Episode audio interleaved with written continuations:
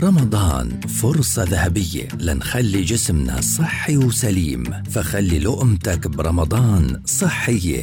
لقمة رمضانية. برنامج بتقدم لنا فيه أخصائية التغذية آية الفار. نصيحة صحية ذهبية في كل بودكاست. لقمة رمضانية يأتيكم خلال شهر رمضان في مثل هذا الموعد عبر أجيال.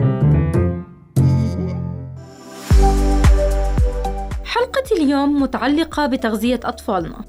كتير بسمع تعليقات إنه طفلي ما بيحب يأكل خضار أو فواكه ما بيقبل يأكل أي إشي غير البطاطا المقلية والشوكولاتة والشيبس. وأشخاص تانيين بجاوبوهم إنه معلش خليه يأكل شو بده لسه صغير ومع الحركة بيحرق كل شي. رفض أنواع معينة من الطعام أو انتقائية خيارات الطعام من التحديات اللي بتسبب توتر للأهل خلال مشوار تغذية الطفل. أسبابها كتير.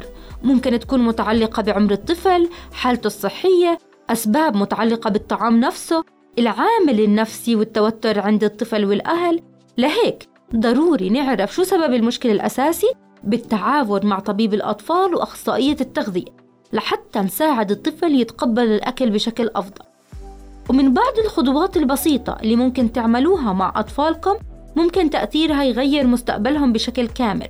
زي التركيز إنه نخلي نظام أكل الطفل صحي ومصادره طبيعية من البداية ونبتعد قد ما بنقدر عن المنتجات المصنعة من سيريلاك لشيبسات وغيرها من المنتجات اللي تجاريا عم بيحكوا إنها مخصصة للأطفال لكنها بالواقع بتكون عالية بالسكر، الدهون، الصوديوم، المواد الحافظة والمضافة وغيرها.